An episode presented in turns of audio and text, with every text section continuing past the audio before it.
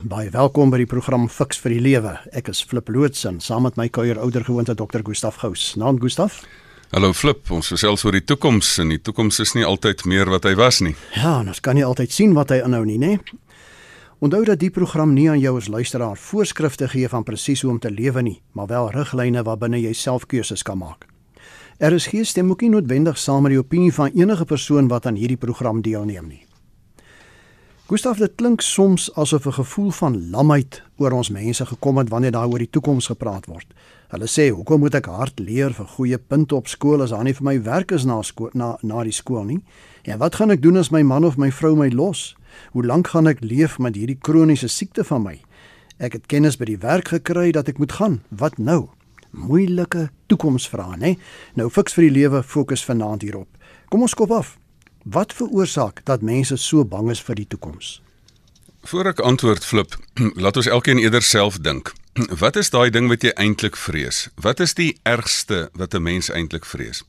En weet jy die ergste wat mense eintlik vrees is dat ek my lewe gaan verloor of dat een van my geliefdes hulle lewe gaan verloor of dat jy iets wat baie kosbaar is wat jy het of besit of 'n verhouding gaan verloor of iets kry wat jy nie gaan kry wat jy vreeslik graag wil hê nie. En en ek dink dit is die probleem. Ons is so bang vir die toekoms. Die bang vir die onbekende is maar eintlik gaan die onbekende nie dalk vir my verrassings bring nie. Die bang vir die donker is is daar nie ietsie wat my lewe kan bedreig of so iets nie. En die oomblik wanneer ons besef maar weet jy die hele kwessie van om tot 'n vergelyk te kom met jou dood is miskien die beginpunt van die van die vrees. As jy besef dat daar is 'n 100% statistiese kans dat jy gaan sterf in die lewe en dat jy as jy op daai punt kom dat jy besef maar luister ek gaan dood gaan so ek hoef dit nie te vrees nie dit gaan gebeur.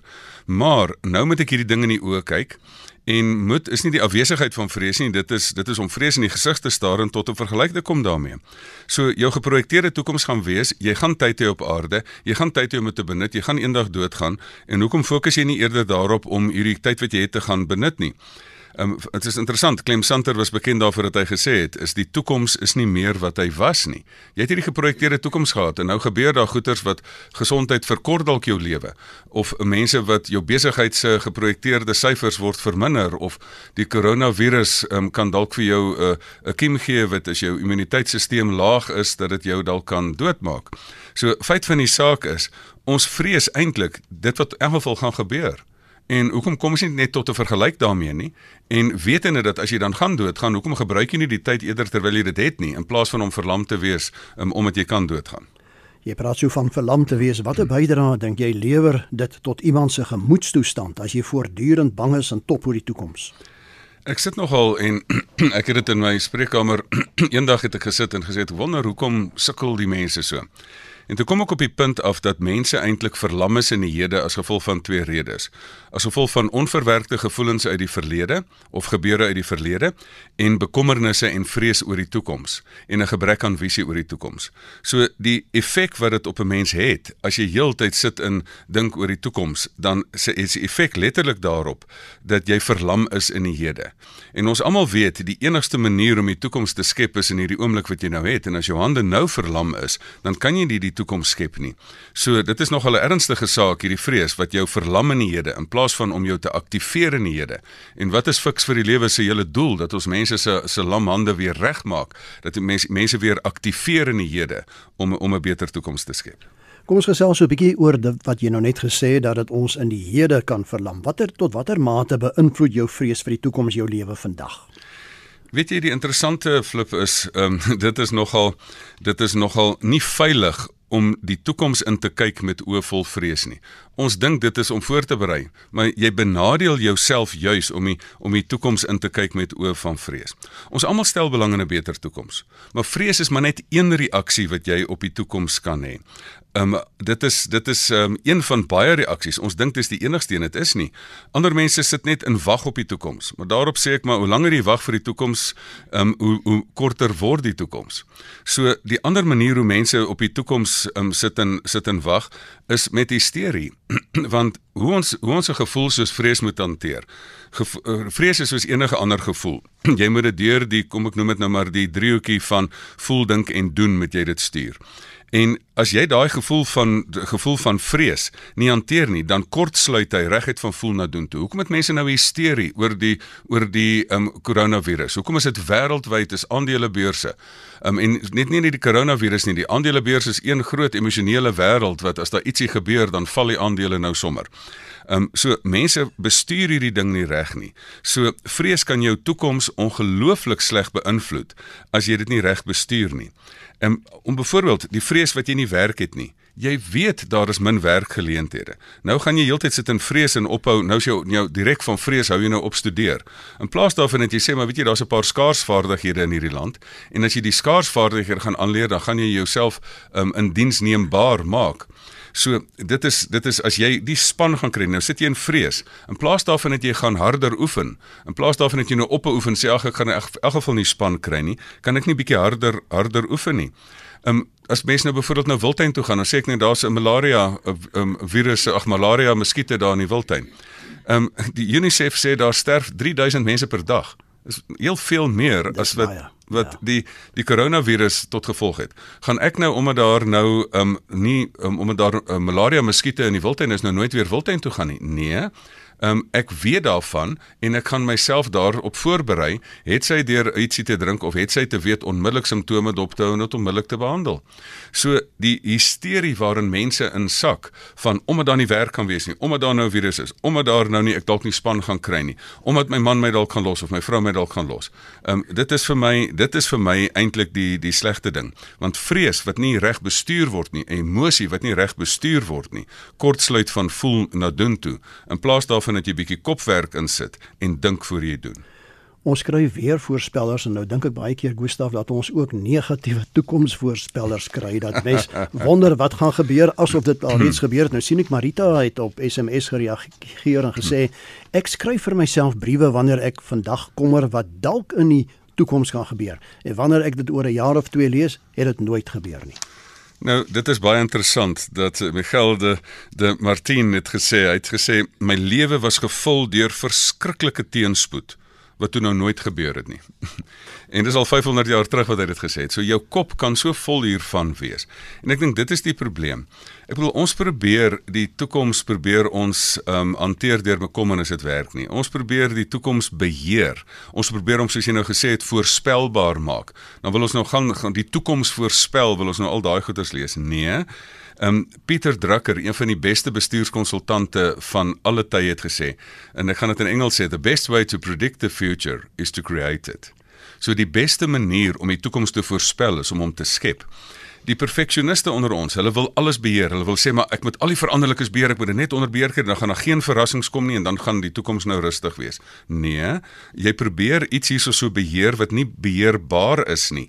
Ehm um, die toekoms is onvoorspelbaar. Hoekom fokus jy nie eerder as om daarom alles te probeer beheer nie? Dit dit is asof jy die koue front probeer beheer. Jy probeer om terugdruk, jy probeer die politieke verandering beheer. Nee, probeer eerder jou vermoë verbeter om die bal te speel. Jy kan tog nie beheer wat die bowler in jou rigtinge gaan gooi. Wat se bal gaan hy 'n draaibal of gaan hy 'n um, 'n ander bal gooi nie?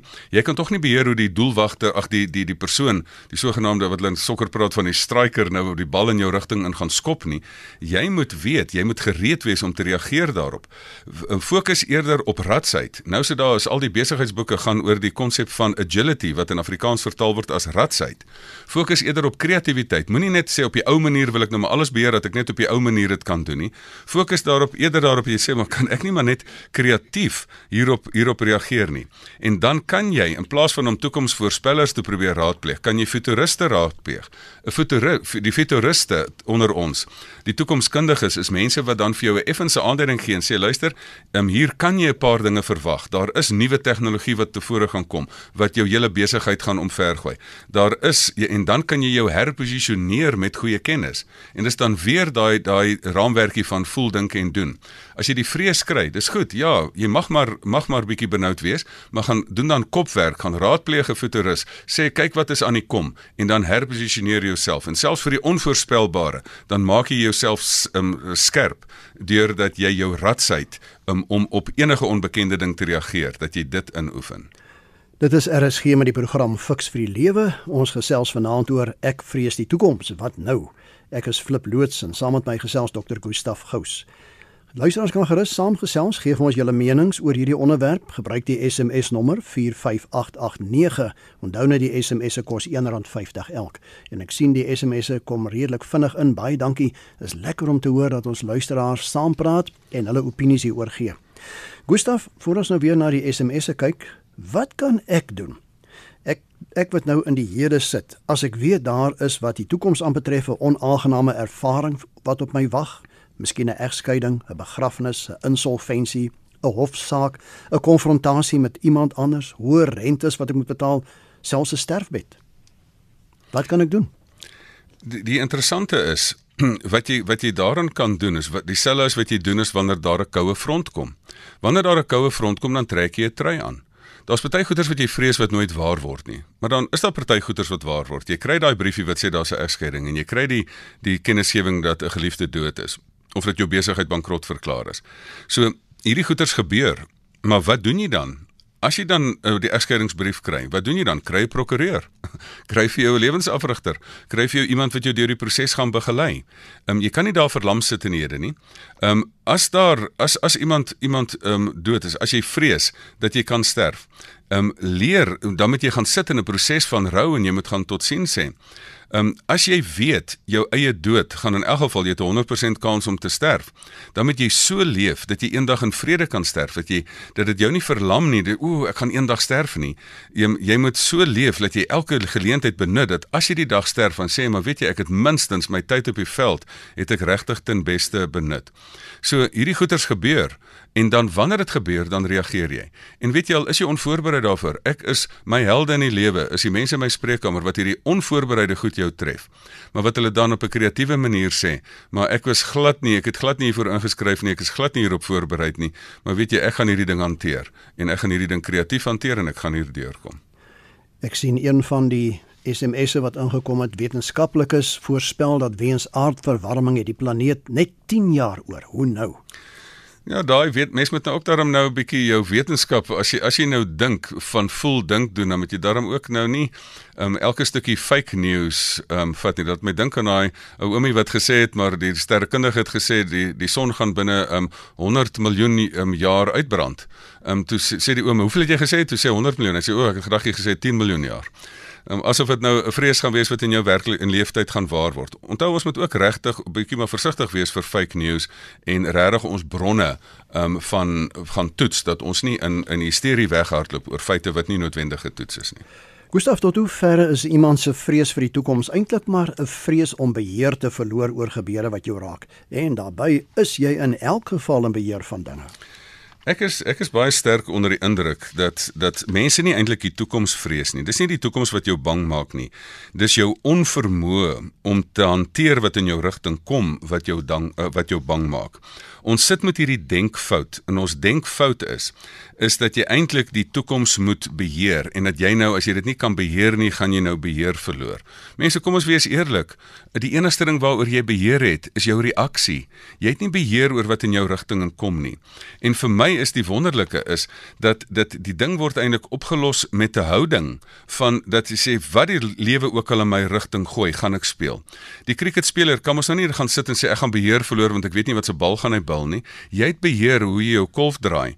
En en as daai bal dan kom, dan kan jy dalk 'n 6, dan kan jy dalk 'n 6 slaan van die hou wat in jou rigting kom. Vir my is die is die wonderlike dat dat mense besef dat jy nie die toekoms hoef te vrees nie, maar dat jy aan jou vermoë kan werk om selfs die onverwagte te hanteer.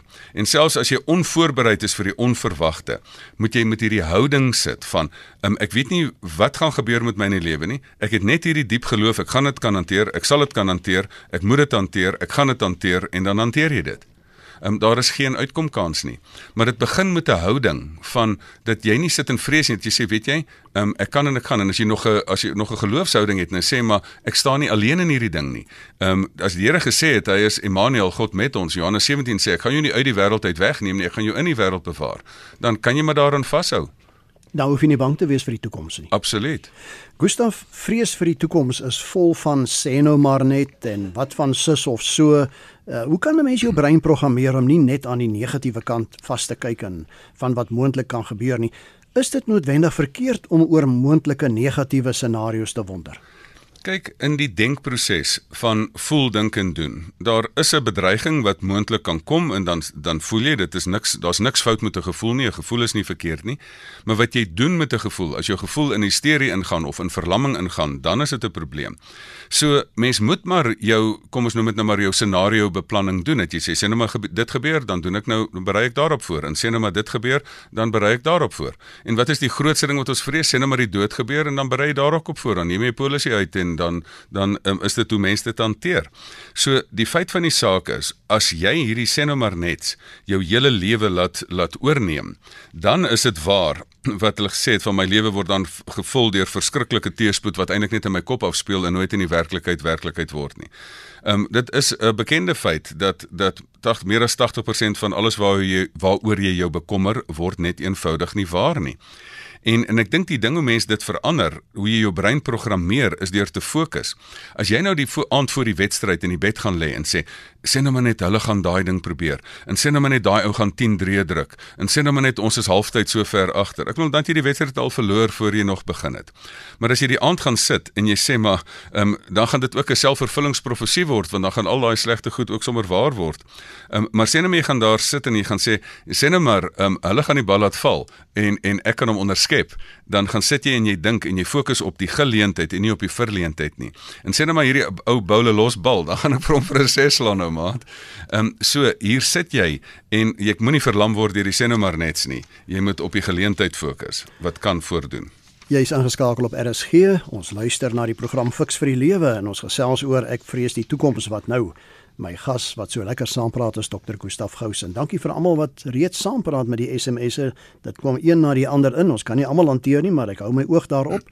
En as jy nog wil bydra gee tot uh, so oor 7 minute wanneer ons gaan groet, die SMS nommer is 45889. Die SMS se kos R1.50.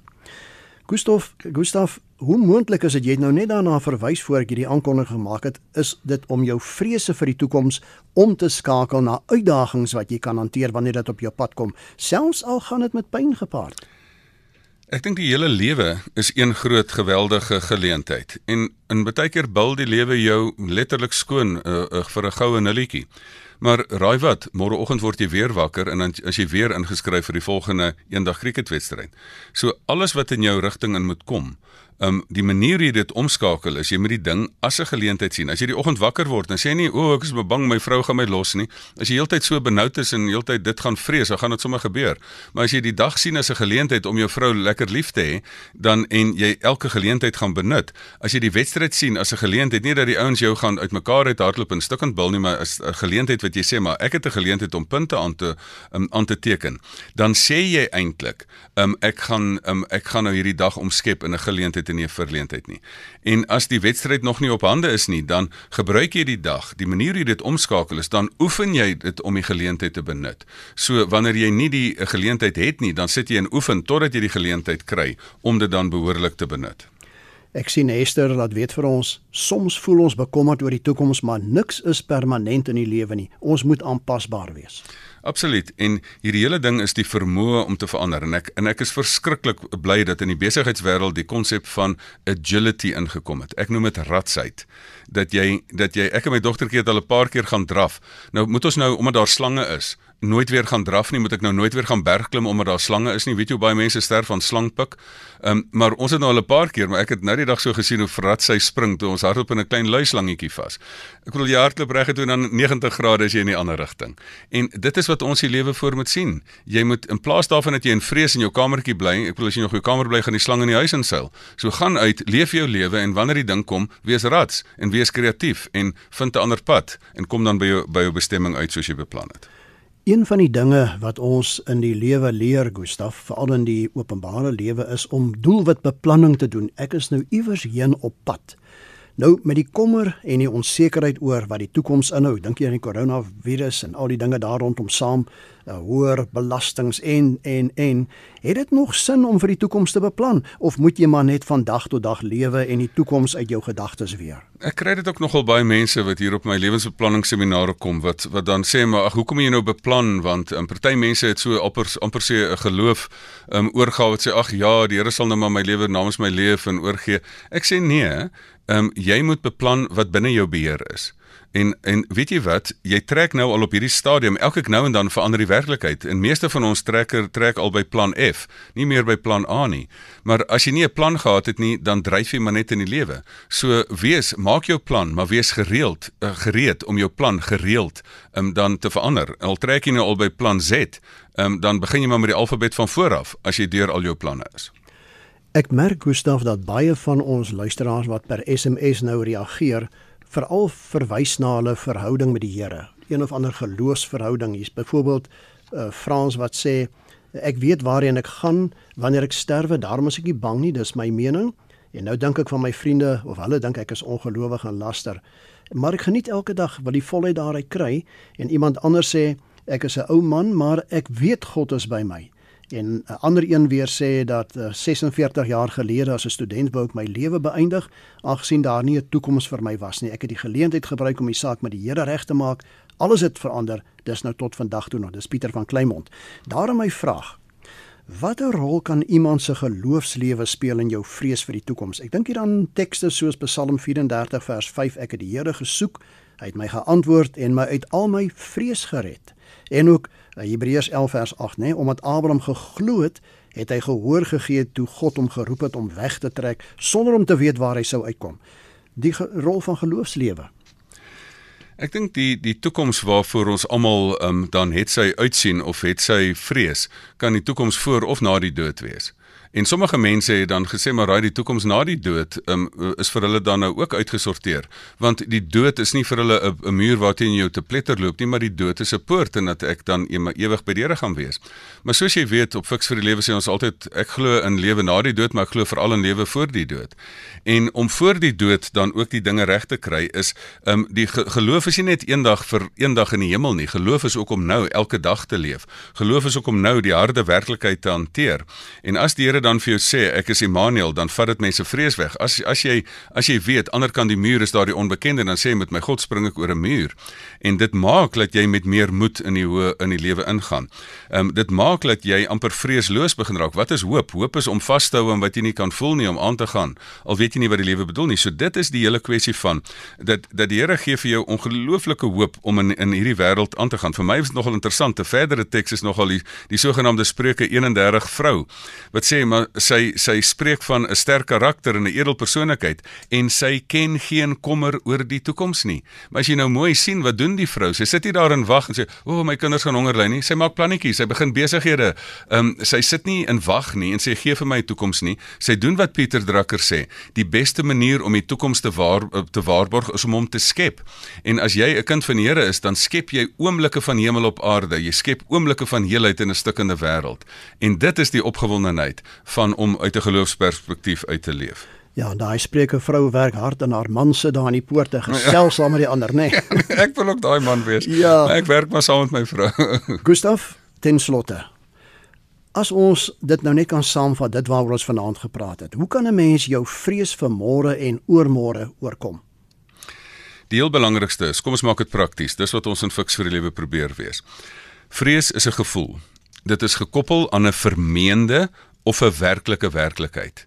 Um en as dit aan 'n vermeende werklikheid is wat in jou kop is, daar's 'n algemene vrees van ek kan doodgaan. Mense, jy het nog nie die virus nie en die kans dat jy die virus opstel is optel is statisties nogal klein, nogal uiters klein.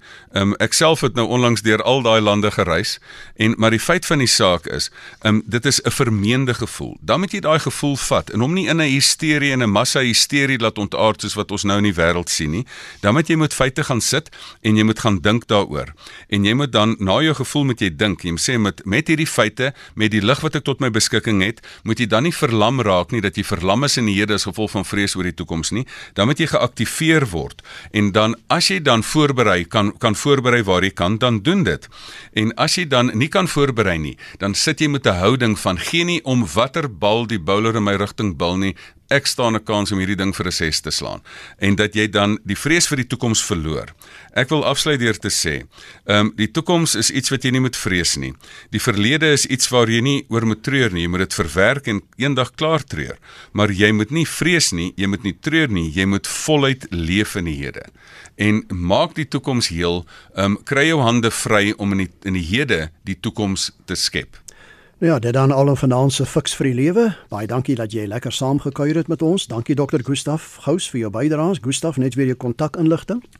E-posadres um, gustaf@gustafgous.co.za en vat jou selfoon nou en dan gaan tik jy daar in fiks vir die lewe en dan gaan like jy die bladsy en daarop daarop is daar nog verdere inligting.